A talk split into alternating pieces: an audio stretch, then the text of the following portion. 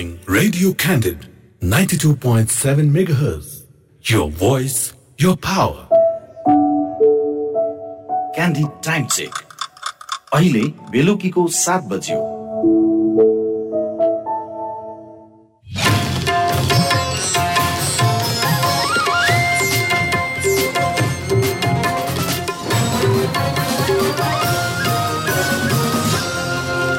नमस्कार बेलुकी सात बजेको क्यान्डिड न्युजमा तपाईँलाई स्वागत छ। म दिनेश केसी। र म विद्या तामाङ। मुलुकलाई राजनैतिक स्थिरता दिएर विकास र समृद्धिको बाटोमा अब हामीले नअल्मल्लिकन मुलुकलाई अगाडि बढाउनु पर्छ त्यसका निमित्त यी एक दुई सिट हामी सबै दलहरूका निमित्त ती सामान्य कुराहरू त्यसमा सबै एउटा सहमतिमा आएर अगाडि बढ्नुपर्छ। अब यो सिट बाँडफाँडको कुरा गर्दाखेरि यो न्यायचित हुनुपर्छ सम्मानजनक हुनुपर्छ र सबैले मैले जिते भन्ने भावका साथ सिटको वितरण हुन्छ। त्यही प्रक्रियाले गर्दाखेरि अलिकति समय लागेको छ। यो स्वाभाविक पनि हो। अब यस बुलेटिनका प्रमुख समाचारहरू। सिफारिस समितिको भोलि बस्ने बैठकमा निलम्बित प्रधान न्यायाधीश जबरासँग बाँकी एक सय नौ पेजमा हस्ताक्षर लिएपछि पूरक प्रश्न सोध्ने तयारी। सिट बाँडफाँडको विषयमा दलहरू बीच करिब अस्सी प्रतिशत सहमति भइसकेको सञ्चार मन्त्री कार्कीको दावी। संघीय संसदको चालु अधिवेशन अन्त्य गर्न राष्ट्रपति समक्ष मन्त्री परिषदको सिफारिस। आगामी निर्वाचनका लागि एक करोड उनासी लाख अठासी हजार मतदाता कायम। यस वर्षको दसैँको टिका सायद बिहान एघार बजेर एकाउन्न मिनटमा काठमाडौँ तराई मधेस द्रुत मार्ग सम्पन्न गर्न विभिन्न कठिनाई भएको नेपाली सेनाको स्पष्टोक्ति पाकिस्तानमा बाढी पहिरोका कारण थप बाइस सेनाको मृत्यु चीनका राष्ट्रपति सी र टर्कीका समकक्षी एर्दोगानो बीच भेटवार्ता। र महिला साफ च्याम्पियनसिपको जारी खेलमा पहिलो हाफमा ने भारत विरुद्ध नेपाल एक गोलको अग्रता आर्मीलाई आठ विकेटले पराजित गर्दै नौ राष्ट्रिय खेलकुद अन्तर्गतको पुरुष क्रिकेटको स्वर्ण पदक पुलिसलाई।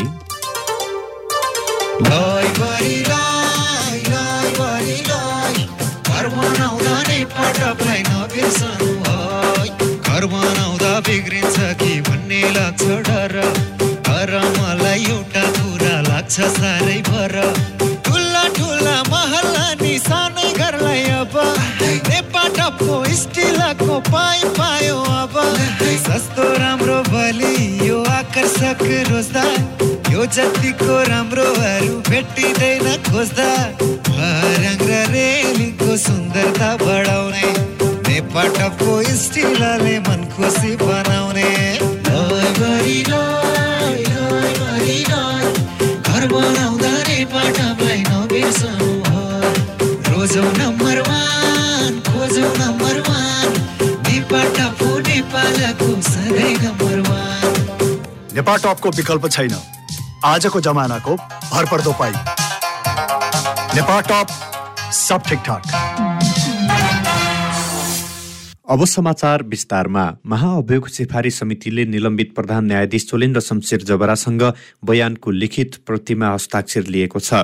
समितिले तयार गरेका त्रिचालिस प्रश्नको जवाफ समेटेर समितिले जबराको बयान एक सय चौरात्तर पेजमा समेटेकोमा आजको बयानको पैँसठी पेजसम्म हस्ताक्षर लिएको समितिका प्रवक्ता लक्ष्मी गौतमले जानकारी दिनुभयो। बैठकमा जबरालाई आफ्नो बयान पढेर सुनाउने र हस्ताक्षर गराउने काम भएको थियो। सुरुमा समिति सदस्यहरूले चोलेन्द्रलाई एक सय चौरात्तर पेज लामो बयानको अन्त्यमा हस्ताक्षर गर्न आग्रह गरेका थिए। तर जबराले हस्ताक्षर गर्न अस्वीकार गरेपछि बयानको प्रत्येक पृष्ठ पढेर सुनाउँदै हस्ताक्षर गराउने गरिएको थियो भोलि बाँकी बयान पढ्ने र हस्ताक्षर गर्ने काम हुने प्रवक्ता गौतमले बताउनुभयो। अहिलेसम्म गर्नुभएका जुन बयान छ त्यसलाई चाहिँ लिपिबद्ध गर्ने र त्यसलाई चाहिँ नेपाली कागजमा उतारेर हिसाब गर्ने काम करिब हामीले चाहिँ आधा गरिसक्यौँ आज। केही करेक्सनको कुराहरू उहाँले पनि भएको गरिरहेको हुनुहुन्छ र हामी पनि त्यो प्रश्नको करेक्सनको कुराहरू भोलि बिहान साढे आठ बजी बसेर त्यसलाई अन्तिम दिने र त्यसपछि केही समय प्रश्नको लागि छलफल विषयवस्तुमा त सचिवालयले सचिवालय मिलिराखेकै हुन्छ। के कस्तो भन्ने विषयको कुरा त भोलि समिति बसेर निर्णय लाग्छ समितिको बैठक भोलि बिहान आठ बजे नै बोलाइएको छ। हस्ताक्षर सम्पन्न गरेपछि जबरालाई पूरक प्रश्न सोधिने प्रवक्ता गौतमले बताउनुभयो। सञ्चार मन्त्री ज्ञानेन्द्र बहादुर कार्कीले सिट बाँडफाँडको विषयमा दलहरू बीच करिब अस्सी प्रतिशत मती भइसकेको बताउनु भएको छ। संसद भवन नयाँ बानेश्वरमा आज सञ्चारकर्मीहरूसँग कुरा गर्दै कार्कीले गठबन्धन देशको आवश्यकता भएकाले अन्य विषयमा पनि सहमति भई निर्वाचनमा जाने दावी गर्नुभयो। राजनीतिक स्थिरता नदी देशको विकास हुन नसक्ने भएकाले पनि गठबन्धनले मुलुकलाई अघि बढाउने पनि उहाँले बताउनुभयो। सिट बाँडफाँट न्यायोचित र सम्मानजनक ढङ्गले गर्नुपर्ने भएकाले समय लाग्नु स्वाभाविक भएको उहाँले जिकिर गर्नुभयो। हामी करिब करिब अस्सी प्रतिशतको सहमतिको नजिकमा हामी पुगेका छौँ। गठबन्धन अहिले मुलुकको आवश्यकता हो। हाम्रो संविधानको कार्यान्वयनका निमित्त मैले बार बार भन्दै आएको कुरा छ कि मुलुकलाई राजनीतिक स्थिरता नदिकन र आन्तरिक एकता मजबुत नगरिकन हाम्रो देशमा जुन अपार सम्भावनाहरू छ ती सम्भावनालाई हामीले अवसरमा बदल्न सक्दैनौँ। त्यसैले अहिले गठबन्धनको आवश्यकता छ र गठबन्धनबाटै हामी निर्वाचनमा जान्छौँ। त्यस्तै कार्कीले मुलुकको समृद्धिका लागि सबै गम्भीर भएर अघि बढ्नुपर्ने पनि बताउनुभयो। सरकारले संघीय संसदको चालु अधिवेशन अन्त्य गर्न राष्ट्रपति समक्ष सिफारिस गरेको छ। प्रधानमन्त्री निवास बालुवाटारमा आज बसेको मन्त्री परिषद बैठकले भोलि मध्यराति बाह्र बजेदेखि संसदको अधिवेशन अन्त्य गर्न राष्ट्रपति समक्ष सिफारिस गरेको हो।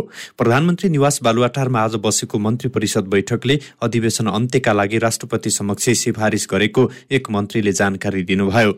यसअघि राजनैतिक दलहरू बीच संसदको कार्यकालको बारे विवाद रहेको थियो। सरकारले आउँदो चुनावबाट गठन हुने संसदको पहिलो बैठक बस्नु अघिसम्म यो संसदको कार्यकाल कायम हुने गरी कानून संशोधन गर्न संसदमा विधेयक ल्याएकोमा विरोध भएपछि फिर्ता लिएको थियो। आगामी मङ्सिर चार गते हुने प्रतिनिधि सभा र प्रदेशसभा सदस्यको निर्वाचनका लागि एक करोड उनासी लाख अठासी हजार पाँच सय सत्तरी मतदाता कायम भएको छ। निर्वाचन आयोगले आज विज्ञप्ति जारी गर्दै सो जानकारी दिएको हो। आयोगले निर्वाचनका लागि दस हजार आठ सय एकानब्बे मतदान स्थलका साथै बाइस हजार दुई सय छब्बिसवटा मतदान केन्द्र तोकेको छ।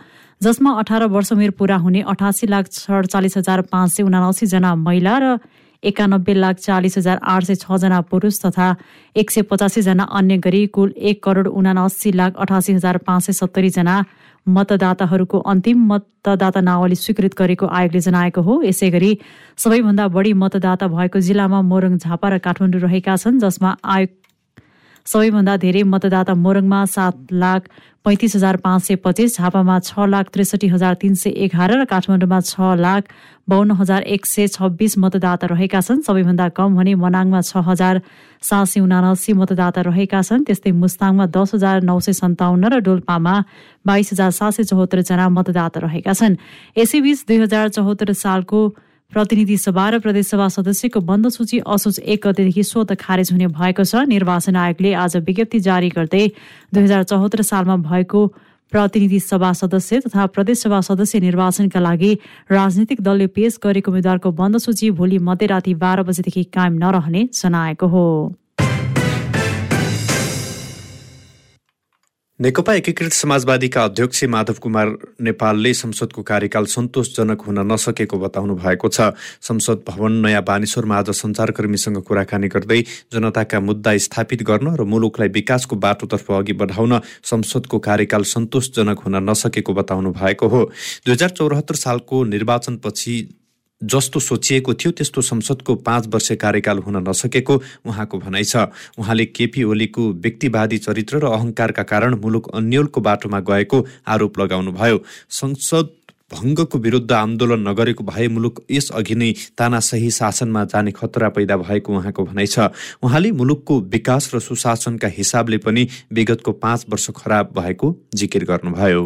विकासको सन्दर्भमा जुन दूरदृष्टि राखेर समग्र विकासको कामलाई अघि बढाउनु पर्ने कुरा हो। त्यो पनि नभएको देख्दाखेरि चाहिँ म सन्तुष्ट छैन।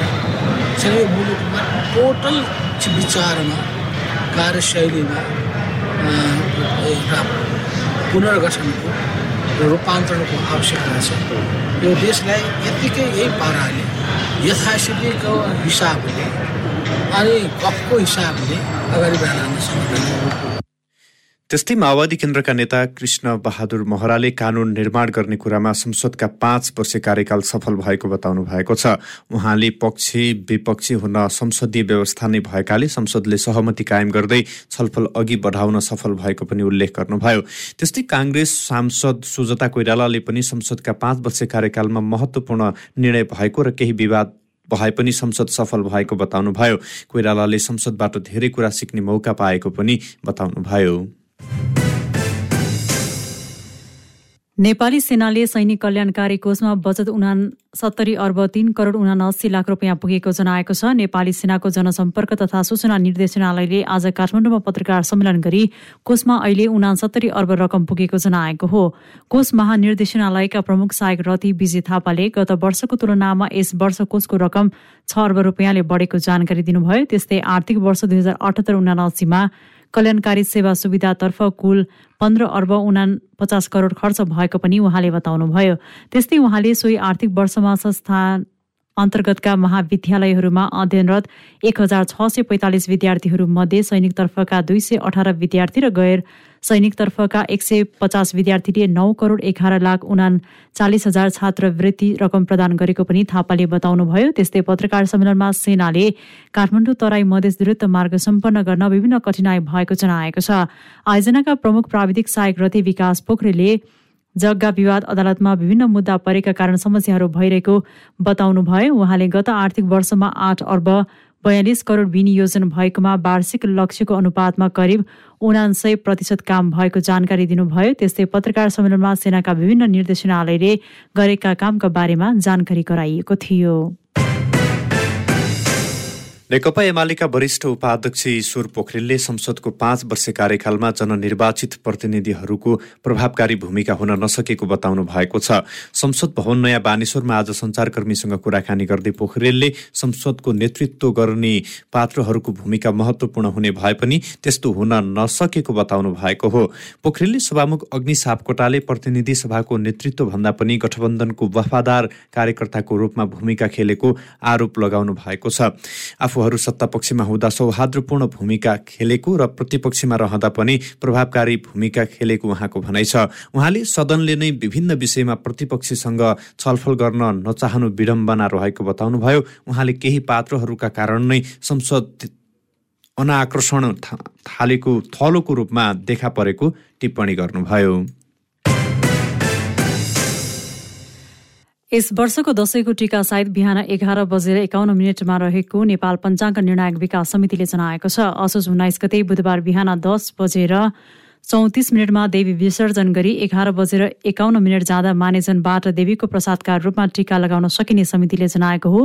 पूर्वी महोडा गरेर टीका लगाउनु पर्ने पनि समितिले जनाएको छ। विजया दशमीका दिन दिनभर टीका लगाउन सकिने भए पनि साइदमै टीका लगाउन चाहनेका लागि सोसाइ दिएको समितिका अध्यक्ष प्राध्यापक श्री कृष्ण अधिकारीले जानकारी दिनुभयो। यस्तै असोज दस गते सोमबार घटना स्थापनाका लागि बिहान दस बजेर तेइस मिनटमा सायद शुभ रहेको छ भने असोज एघार गते झण्डा फेर्ने सायद भने एघार बजेर एघार मिनटमा उत्तम रहेको समितिका कार्यकारी निर्देशक सूर्य प्रसाद डुङ्गेलले जानकारी दिनुभयो। अख्तियार दुरुपयोग अनुसन्धान आयोगका आयुक्त किशोर कुमार सिलवालले आयोगको आयोगले साना मात्रै नभएर ठूला भ्रष्टाचारका मुद्दा अनुसन्धान गरिरहेको बताउनु भएको छ अख्तियार दुरुपयोग अनुसन्धान आयोगको कार्यालय हेटौडाले आज योजना आयोजना गरेको भ्रष्टाचार नियन्त्रण एवं सुशासन प्रवर्धनमा सहकारी सम्बन्धी जिल्ला स्तरीय अन्तर्क्रिया कार्यक्रममा आयुक्त सिलवालले ठूला भ्रष्टाचारका मुद्दाको पनि अनुसन्धान गरिरहेको उल्लेख गर्नुभयो। सहभागीले ठूलालाई छाडेर साना मुद्दामा आयु केन्द्रित भएको गुनासो गरेपछि त्यसको जवाफ दिँदै उहाँले ललिता निवासको जस्तै धेरै मुद्दाको अनुसन्धान भइरहेको पनि जानकारी दिनुभयो। सरकारी सम्पत्ति दुरुपयोगका विषयमा महत्त्वपूर्ण अनुसन्धान गरिरहेको उहाँको भनाइ छ। मध्य प्रदेशको साइकल खरिद प्रकरण लगायत महत्त्वपूर्ण अनुसन्धान आयोगले गरिरहेको सिलवालले बताउनुभयो भ्रष्टाचार निवारण ऐन दुई हजार उनासाठीमा बनेको भन्दै उहाँले संशोधन हुन नसक्दा समस्या देखिएको बताउनुभयो। प्रतिनिधि सभाको बैठकबाट सार्वजनिक ऋण व्यवस्थापन विधेयक दुई हजार उनासीमाथि राष्ट्रिय सभाबाट भएको संशोधनलाई स्वीकृत गरेको छ।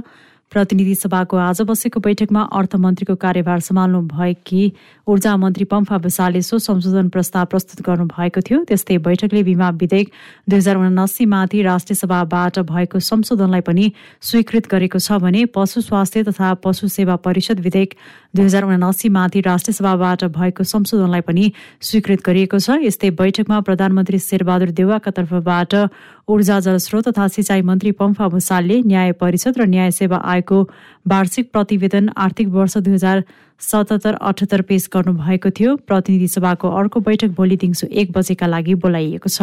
र मिटर ब्याज पीडितहरूले आज पैँतालिसौँ दिन पनि काठमाडौँको माइती घरमा धरना दिएका छन्। आफूहरूलाई मिटर ब्याजको नाममा भूमिहीन बनाउने साहु विरुद्ध किसानहरू निरन्तर धर्दा बस्दै आएका हुन्। आफूहरूलाई समस्या पार्नेहरूलाई कारवाही नगरेसम्म धर्ना नछोड्ने पनि उनीहरूको भनाइ छ। आन्दोलनरत मिटर ब्याज पीडितहरूको अनसन र धरना कार्यक्रममा विभिन्न संस्थाहरूले पनि एकबद्धता जनाउने क्रम जारी रहेको छ। यसै क्रममा आगामी मङ्सिर चारमा हुने निर्वाचनका लागि काठमाडौँ सातबाट स्वतन्त्र उम्मेद्वारी घोषणा गर्नुभएका ई किरण केसी लगायतका नागरिक समाजका अगुवाहरूले पनि एकबद्धता जनाएका हुन्। अस्ट्रेलियाबाट केही दिन अघि मात्र नेपाल आएर एयरपोर्टबाट उम्मेद्वारी घोषणा गर्नुभएका ई केसीले मिटर ब्याजी पीडितहरूको पक्षमा साथ दिने प्रतिबद्धता जनाउनु भएको हो। अख्तियार दुरुपयोग अनुसन्धान आयोगले पर्साको भेडी हरवा स्थित नेपाल राष्ट्रिय कन्या प्राथमिक विद्यालयकी शिक्षक उर्मिला देवीको म्याट्रिक सर्टिफिकेट नक्कले रहेको भन्दै मुद्दा दायर गरेको छ। आयोगले देवीको म्याट्रिक तहको प्रमाणपत्र नक्कले रहेको ठहर गरी आज विशेष अदालत काठमाडौँमा मुद्दा दायर गरेको हो। देवीले सो विद्यालयमा शिक्षक पदमा नियुक्ति लिन भारतको बिहार विद्यालय परीक्षा समिति पटनाबाट जारी भएको भनी झुटो विवरणको एचएस नक्कली लब्धाङ्क पत्र तथा प्रोभिजनल प्रमाणपत्र र तत्कालीन जिल्ला शिक्षा कार्यालय पर्साबाट जारी भएको भनी झुटो अस्थायी अध्यापन अनुमति पत्र समेत पेश गरिएको अख्तियारले दावी गरेको छ। उनी विरुद्ध अख्तियारले शैक्षिक योग्यताको नक्कली प्रमाणपत्र सम्बन्धी आरोप पत्र दायर गरेको हो। भ्रष्टाचार निवारण ऐन दुई हजार उनासाठीको दफा एक सोह्रको उपदफा एक बमोजिमको कसुर गरेकाले उनीमाथि भ्रष्टाचार निवारण ऐन दुई हजार उनासाठीको दफा सोह्रको उपदफा एक बमोजिम सजाय हुने समेत माग दावी गरिएको छ।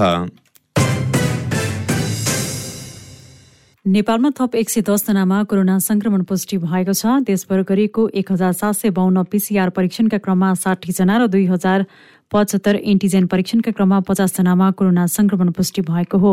कोरोनाका कारण थप एकजनाको मृत्यु भएको स्वास्थ्य मन्त्रालयले जनाएको छ। त्यस्तै थप एक सय छब्बिस संक्रमित कोरोना मुक्त भएका छन्। हाल नेपालमा दुई हजार बैसठी सक्रिय संक्रमित आइसोलेसनमा रहेको मन्त्रालयले जनाएको छ। काठमाडौँ महानगरपालिकाले नयाँ बानेश्वर क्षेत्रमा रहेका अनधिकृत संरचना हटाएको छ। यसअघि सूचना दिँदा पनि अनधिकृत संरचना नहटाएपछि आज डोजर लगाएर नै हटाएको महानगरले जनाएको छ। सो क्रममा नक्सा पास नभएका संरचना पनि महानगरले भत्काएको छ भने पार्किङ उल्लेख गरेर नक्सा पास गरे पनि अन्य प्रायोजन भएका स्थानमा पनि डोजर लगाएको छ। डोजर लगाउने क्रममा केही घरधनीहरूले विरोध समेत गरेका थिए। महानगरपालिकाले काठमाडौँका विभिन्न स्थानमा निरन्तर रूपमा अनधिकृत संरचना हटाउँदै आएको छ। भैरहवाबाट कुवेतका लागि साताको तीन दिन उडान गर्दै आएको जजिरा एयरलाइन्सले आजदेखि नियमित उडान सुरु गरेको छ। गौतम बुद्ध अन्तर्राष्ट्रिय विमानस्थलका निर्देशक तथा प्रवक्ता सुभाष झाले आजदेखि जजिरा एयरलाइन्सले कुवेत भैरहवा रुटमा दैनिक एउटा उडान सञ्चालन गरेको बताउनुभयो। गौतम बुद्ध अन्तर्राष्ट्रिय विमानस्थलका अनुसार हालसम्म जजिरा एयरलाइन्सले कुवेत भैरहवा बीच एक सय दसवटा उडान सञ्चालन गरेको छ। हवाई यात्रुको चाप बढ्न थालेपछि जजिरा एयरलाइन्सले नियमित रूपमा दैनिक उडान सञ्चालन सुरु गरेको हो। गत जेठ दुई गते गौतम बुद्ध अन्तर्राष्ट्रिय विमानस्थल सञ्चालनमा आएसँगै जजिरा एयरलाइन्सले सातामा तीन दिन उडान गर्दै आएको थियो। यसैबीच आउँदो अक्टोबर तिसदेखि विज एयरले पनि भैरवाबाट युएको अबुधि अबुधाईमा हवाई उडान सञ्चालन गर्ने भएको छ। भारतीय आयल कर्पोरेसन आइओसीबाट नेपाल आयल निगमलाई पेट्रोल तथा डिजेलको मूल्य घटेर आएको छ। आइओसीबाट प्राप्त नयाँ मूल्य अनुसार पेट्रोलको मूल्य प्रति लिटर छ रुपियाँ पचपन्न पैसा घटेर आएको हो। त्यस्तै डिजेलको मूल्य भने प्रति लिटर चौवालिस पैसा मात्र घटेको छ। हवाई इन्धनको मूल्य पनि एक रुपियाँ पचास पैसा प्रति लिटरका दरले घटेको निगमले जनाएको छ। अब निगमलाई पेट्रोलमा प्रति लिटर आठ रुपियाँ नाफा रहनेछ भने डिजलमा घाटा यथावत रहनेछ। हाल निगमलाई डिजलमा प्रति लिटर छ रुपियाँ हाराहारी नोक्सान रहेको छ। उपभोक्ताका लागि निगमले पेट्रोलको मूल्य प्रति लिटर एक सय एकासी रुपियाँ तथा डिजलको एक सय अठहत्तर रुपियाँ तोकेको छ। यद्यपि निगमले भने मूल्य घटेर आउँदा पनि घाटा भएको दावी गर्दै आएको छ। सेयर बजार परिसूचक नेप्सी आज पनि घटेर रातामे भएको छ। नेप्सी आज चौध दशमलव एक शून्य अङ्कले घटेर एक हजार नौ सय दस दशमलव तिन आठ बिन्दुमा कायम भएको हो।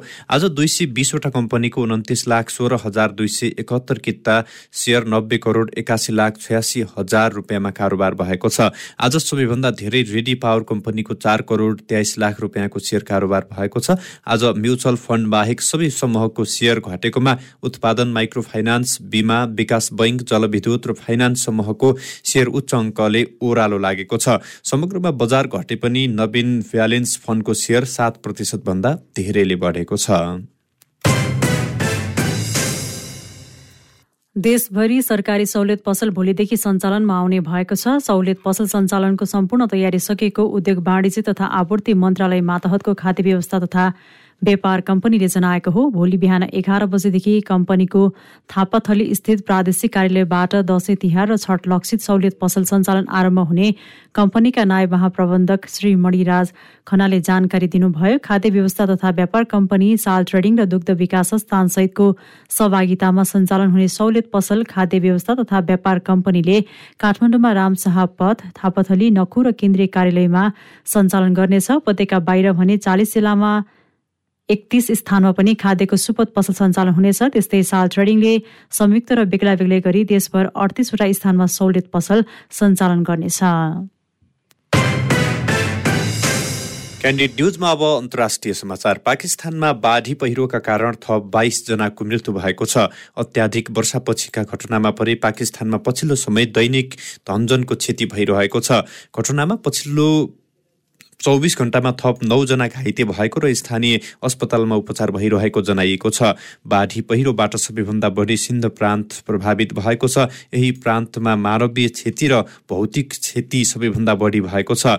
बढी बाढी पहिरोले लाखौँ विस्थापित भएका छन् भने हजारौँ घाइते भएका छन्। घटनामा परि अहिलेसम्म एक हजार पाँच सय आठजनाको मृत्यु भएको जनाइएको छ। त्यसै गरी बाह्र हजार सात सय अन्ठाउन्नजना घाइते भएका छन्। प्रकोप व्यवस्थापन प्राधिकरणका अनुसार यस अवधिमा अठार लाख सत्र हजार पाँच सय पचास घर क्षतिग्रस्त भएका छन्। बाढीका कारण नौ लाख उन्तिस हजार पाँच सय त्रिचालिसजना मरेको पनि प्राधिकरणले जनाएको छ। चीनका राष्ट्रपति सी जिनफिङले टर्कीका समकक्षी रिसेप तयब एर्दोगानसँग भेटवार्ता गर्नुभएको छ। उज्बेकिस्तानको समरकन्दमा भएको साङ्घाई सहयोग संगठन एससिओ को शिखर सम्मेलनका क्रममा सी र एर्दोगानबीच आज भेटवार्ता भएको हो। भेटवार्तामा मध्य एसियामा क्षेत्रीय सुरक्षा बैठकमा दुई पक्षीय राजनीतिक पारस्परिक विश्वास गर्न चीनका राष्ट्रपति सीले आग्रह गर्नुभएको जनाइएको छ। देश बीचको विभिन्न सहयोग संयन्त्र र सम्बन्धित शक्तिको भूमिकालाई पूर्ण रूपमा खेल्नुपर्नेमा पनि राष्ट्रपति सीले जोड दिनु भएको छ। यसअघि सीले रुसका समकक्षी भ्लादिमिर पुटिन र इरानका इब्राहिम राइसीबीच भेटवार्ता गर्नुभएको थियो। सन् दुई हजार एकमा स्थापित भएको यस संगठनमा चीन भारत पाकिस्तान रुस र धेरै पूर्व सोभियत राज्यहरू मिलेर निर्माण भएको छ। बेलायतमा दुईजना प्रहरी अधिकारीमाथि एक संदिग्धले छुरा प्रहार गरेको छ। बेलायतको मध्य लन्डनको लेस्टर स्क्वायर नजिक दुई अधिकारी प्रहरी अधिकारीहरूलाई ती व्यक्तिले छुरा प्रहार गरेको थियो। ती व्यक्तिले आफूलाई पनि छुरा प्रहार गरेको समाचार संस्था रोइटर्सले जनाएको छ।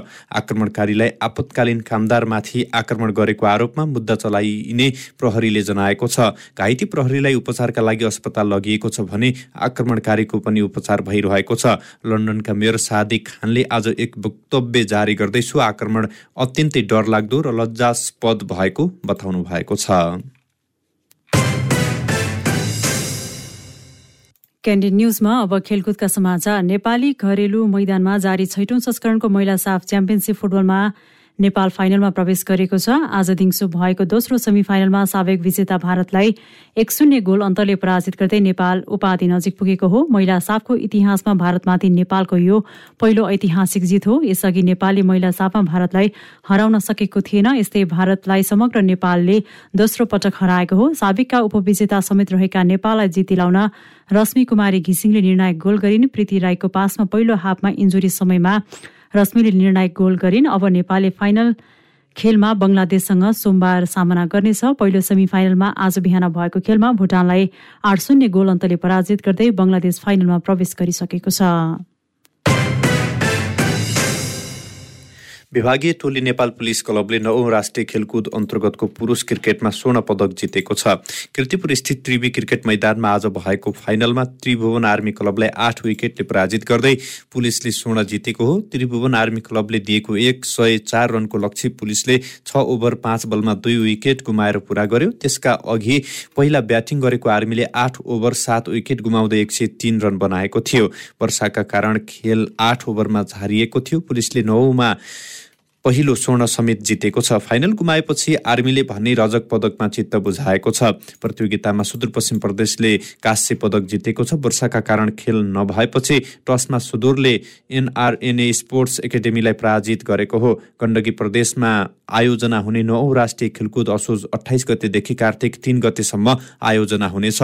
तर पुरुष क्रिकेट भने अगाडि नै हुने भएको छ। प्रतियोगितामा तीन विभागीय सात प्रदेश तथा एनआरएनएको टोली गरी एघार टोलीको सहभागिता रहेको छ। यसैबीच नवौं राष्ट्रिय खेलकुद प्रतियोगिताको ट्रफी सार्वजनिक गरेको छ। राष्ट्रिय खेलकुद परिषद राखेपाले आज प्रधानमन्त्री निवास बालाटारमा एक कार्यक्रमको आयोजना गर्दै नवौं राष्ट्रिय खेलकुद प्रतियोगिताको ट्रफी सार्वजनिक गरिएको हो। ट्रफीलाई नेपाल खेलकुदको उचित चर्चित र सफल खेलाडीबाट नेपालभर प्रदर्शनमा राख्ने पनि राखेपाले जनाएको छ। ट्रफी सार्वजनिक कार्यक्रममा प्रधानमन्त्री शेरबहादुर देवालले खेलकुदको विकासमा सरकार प्रतिबद्ध रहेको भन्दै खेलकुद विश्वविद्यालय स्थापनाका लागि सरकार सकारात्मक रहेको बताउनु भयो उहाँले सरकारले कसैलाई पनि पक्षपात नगरी खेलको विकासमा लाग्न लाग्ने धारणा राख्नुभयो। आगामी वर्ष दक्षिण अफ्रिकामा आयोजना हुने ICC under nineteen T twenty महिला विश्वकपको खेल तालिका सार्वजनिक भएको छ। पहिलो संस्करणको यस प्रतियोगितामा सोह्र राष्ट्र सहभागी रहनेछन्। सन् दुई हजार तेइसको चौधदेखि उन्तिस जनवरीसम्म सञ्चालन हुने यस प्रतियोगितामा कुल एकचालिसवटा खेल हुनेछन्। आइसिसीका एघार पूर्ण सदस्य र पाँच एसोसिएट गरी सोह्र टोलीलाई चार समूहमा विभाजन गरिएको छ। प्रत्येक समूहबाट शीर्ष तीन टोली सुपर सिक्स लिगमा प्रवेश गर्ने गर्नेछन्। प्रतियोगिताको उद्घाटनको दिन चार खेल हुनेछ। सुपर सिक्स चरण जनवरी बिसमा सुरु हुनेछ। सेमी फाइनल सत्ताइस जनवरीमा हुनेछ र फाइनल उन्तिस जनवरीमा पेज फर्स्टको जेबी मार्क्स ओभलमा खेलाइनेछ। जनवरी तिसलाई फाइनलका लागि रिजर्भ डेको रूपमा राखिएको छ। क्यान्डिड न्युजको अन्त्यमा प्रमुख समाचारका शीर्षकहरू फेरि एकपटक। सिफारिस समितिको भोलि बस्ने बैठकमा निलम्बित प्रधान न्यायाधीश जबरासँग बाँकी एक सय नौ पेजमा हस्ताक्षर लिएपछि पूरक प्रश्न सोध्ने तयारी। सिट बाँडफाँटको विषयमा दलहरू बीच करिब अस्सी प्रतिशत सहमति भइसकेको संचार मन्त्री कार्कीको दावी। संघीय संसदको चालु अधिवेशन अन्त्य गर्न राष्ट्रपति समक्ष मन्त्री परिषदको सिफारिस। आगामी निर्वाचनका लागि एक करोड उनासी लाख अठासी हजार मतदाता कायम। यस वर्षको दशैंको टीका साहित्य बिहान एघार बजेर एकाउन्न मिनटमा काठमाडौँ उत्तराई मधेस द्रुत मार्ग सम्पन्न गर्न विभिन्न कठिनाई भएको नेपाली सेनाको स्पष्टोक्ति। पाकिस्तानमा बाढी पहिरोका कारण थप बाइस जनाको मृत्यु चीनका राष्ट्रपति सी र टर्कीका समकक्ष एर्दोगान बीच भेटवार्ता। र महिला साफ च्याम्पियनसिपको खेलमा नेपाल विजयी आर्मीलाई एक विकेटले पराजित गर्दै नौ राष्ट्रिय खेलकुद अन्तर्गतको पुरुष क्रिकेटको स्वर्ण पदक पुलिसलाई। हवस् त क्यान्डिड न्युज अहिलेलाई यही सकिन्छ। म विद्या तामाङ। र म दिनेश केसी विदा माग्छौँ। रेडियो क्यान्डिड सुन्दै गर्नुहोला। नमस्कार।